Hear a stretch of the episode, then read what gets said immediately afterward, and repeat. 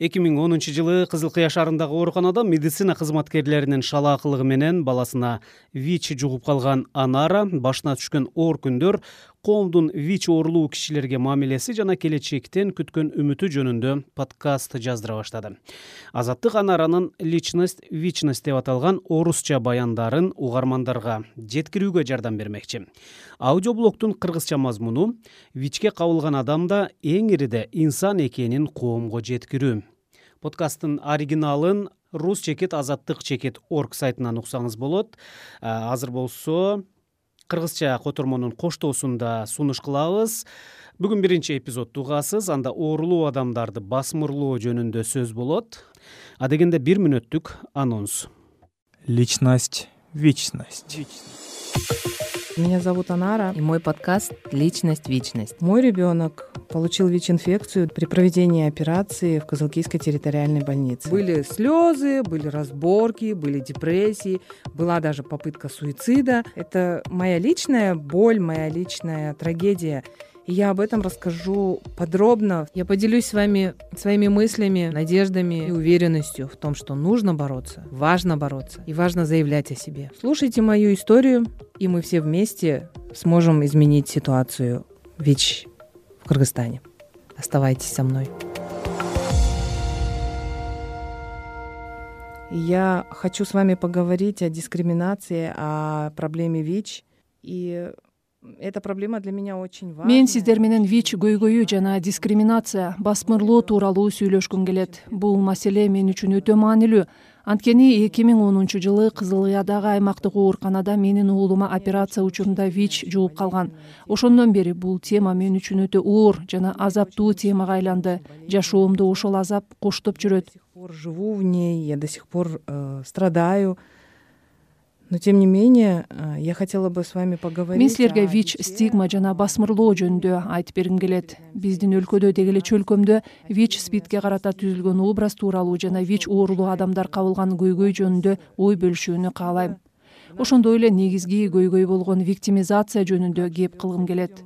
Виктимизация бул адамдын башкалардын айыптоосуна кабылышы. Такое важное слово есть виктимизация. То есть виктимизация это осуждение заранее по умолчанию людей которые имеют вич статус. Первое декабря. Первое декабря это день борьбы со спидом.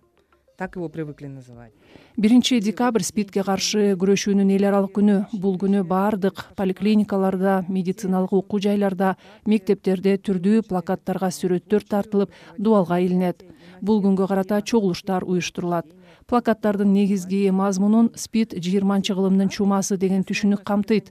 Ал плакаттарда сөзсүз түрдө вич оорулуу адам коркунучтуу жана жийиркеничтүү элесте берилет. позитивный человек э, нарисован каким то ужасным страшным отвратительным. Вот э, я считаю что из этого страшного демонического образа менин оюмча вич оорулуу адамдарга карата дискриминациянын негизги өзөгү мына ушундай плакаттарда жатат. Коомго ошондой сүрөттөр аркылуу вич жуккан кишилерди коомдон бөлүү чакырыгы ташталат. Кырк жылдай убакыттан бери элдин кулагына вич жоопкерчиликти билбеген жаман жолдо жүргөн кишилердин оорусу деген түшүнүк сиңирилүүдө. Коомчулук бул ярлыкты өзгөртүүнү каалабайт. Анткени оорулуу адамдан жүзүн буруп кетүү аларга арабызда орун жок деп коюу оңой эмеспи? Проще же отвернуться от таких людей правильно? И закрыть глаза и считать что этого нет.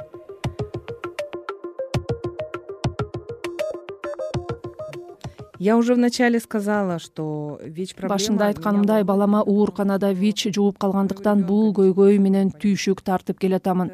Бул менин жеке трагедиям жеке азабым уулума бейтапканада кантип вич жуктуруп коюшканын кийинки эпизоддордо кеңири айтып берем. Көңүл коюп угууңузду суранам пайдалуу маалыматтарды аласыз деп ишенем. Очень прошу потому что это будет информативно и это будет полезно для всех. А теперь э, я хотела бы привести примеры из своей сиздерге өзүмдүн жашоомдогу тааныштарымдын турмушундагы басмырлоолор жөнүндө айтып бергим келет мисалы бир жолу баламды поликлиникага алып келсем медайым анын вич экенин билип эки кабат кол кап кийип алды.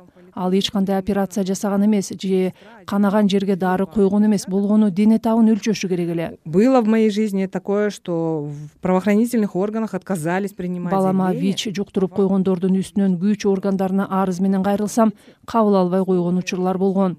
Алар түз жүргөн адамдын баласы вич менен оорубайт деп бетиме айтышкан демек мен жаман ойнок баңгизат чеккен аял сама экенмин такая плохая гулящая непорядочная может я наркоманка. И поэтому у меня вот ребенок вичом заболел.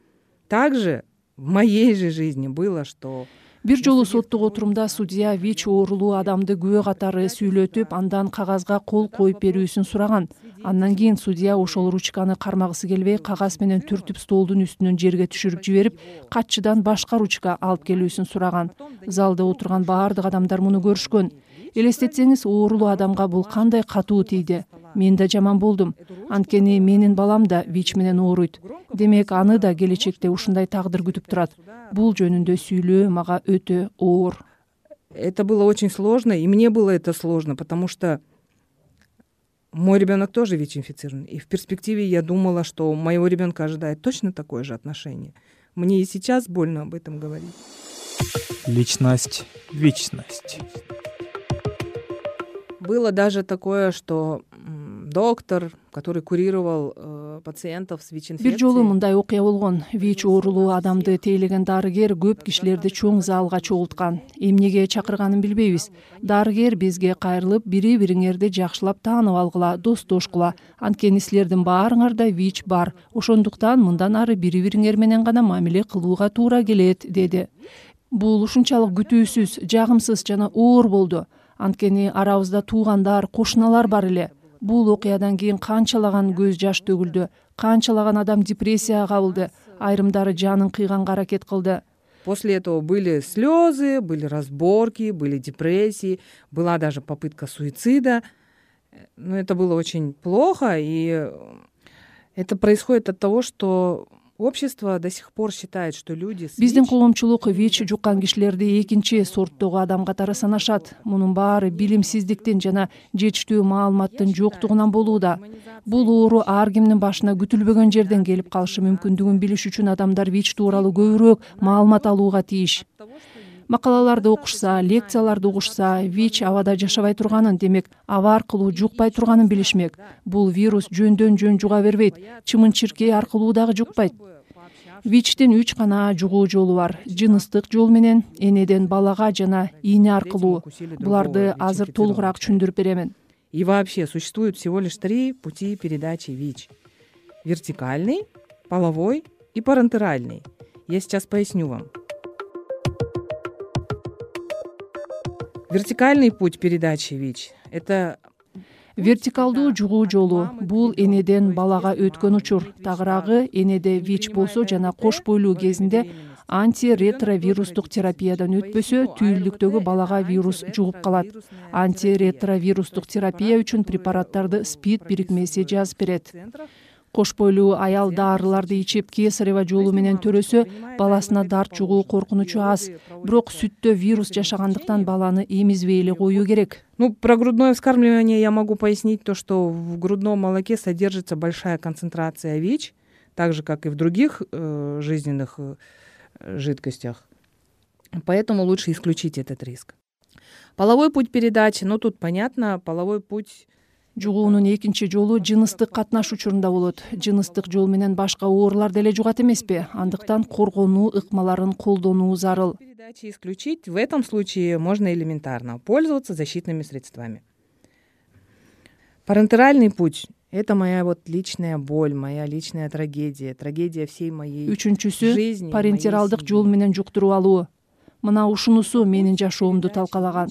мында вич кан аркылуу жугат бир шприцти колдонгондо же вич оорулуу донордун канын бейтапка куюуда жугат.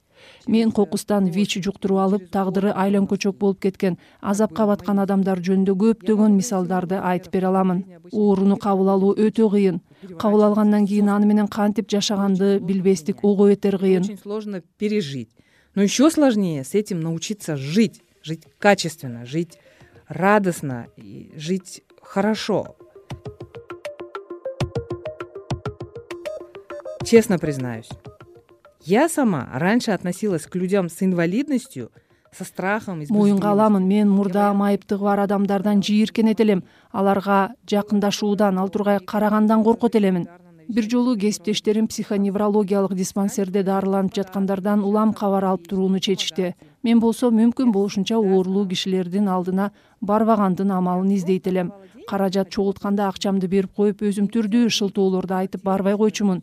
Алар менен сүйлөшсөм майыптык мага да жугуп калчудай коркор элем. пообщаюсь с таким человеком то эта инвалидность перейдет ко мне тоже то же самое было когда наша организация начала деятельность по предупреждению и противодействию вич в программе трудовой миграции. И вот когда я работала бир жолу мен иштеген уюм эмгек миграциясы программасынын алкагында вичтин алдын алууга багытталган долбоорду ишке ашыра баштаган мен ошондо алгачкы жолу вич оорулуу адамды көргөм. Дал ошол окуя мендеги стереотиптерди талкалап көзүмдү ачты. Шли и болтали и вдруг он мне рассказывает что у него вич для меня это было мага жакын эле жашаган тааныштарымдын бири вич оорулуу экенин айтып берген кандайча деп калдым. Менин оюмда вич алыскы мамлекеттерде океандын ары жагында эмес беле. Вич жаман адамдардын оорусу эмес беле. А бул кошунам жакшы эле адам го ойлорум чачырап кетти. Ошол таанышым менен мурда кандай мамиледе болсом ошондой калыбымда мамилемди уланта бердим. Вич жөнүндөгү түшүнүгүм өзгөрдү менимче мына ушул окуя өзүмдүн баламда вич аныкталган кезде мени сактап калды. Эгер мен мурдагыдай эле вич жаман адамдардын оорусу деген ойдо жашай берсем анда уулумдан бул дарт аныкталганын укканда эле жанымды кыйсам керек эле. что я бы покончила с собой там же в тот момент в больнице когда мне сообщили об этом статусе. Личность вечность я считаю что ценность моей истории именно менин тагдырымды баяндаган бул подкаст баласы вич оорулуу башка энелерге деги баардык кишилерге жардамы тиет деп ишенем. Вич адамдар деле башкалар сыяктуу сезимдер менен жашай турганын жеткиргим келет. Менин баяндарымды уккан башка энелер да өздөрүн кыйнаган азапты сүйлөсүн. Мен алар бул азапты жеңип чыгуусун каалайм негизгиси алар өз укуктарын билиши күрөшүшү керек өздөрүн күнөөлөгөндү токтотсун. Коомчулук вич бул өкүм эместигин өмүр бою терапияны талап кылган оор экенин түшүнсүн. Вич оорулуу адамдар элдин сүргүнүндө калбашы керектигин башкалар аңдап жетишин каалайм. И главное чтобы они поняли что у них есть права и научились за них бороться. И чтобы общество поняло и признало что вич это просто болезнь. Болезнь требующая пожизненной терапии а не приговор для изгнания и позора.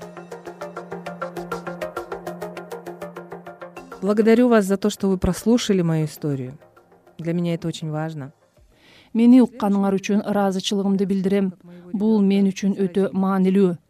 Кийинки эпизоддо балама ооруканада вич кандайча жугуп калганын башкалар бизге кандай мамиле жасаганын айтып берем бул сиздерге кандайдыр бир тыянак чыгарууга жардам берет жана кыргызстанда вичке байланыштуу кырдаалды биргеликте өзгөртөбүз деп үмүт кыламын. Дискриминацией я столкнулась.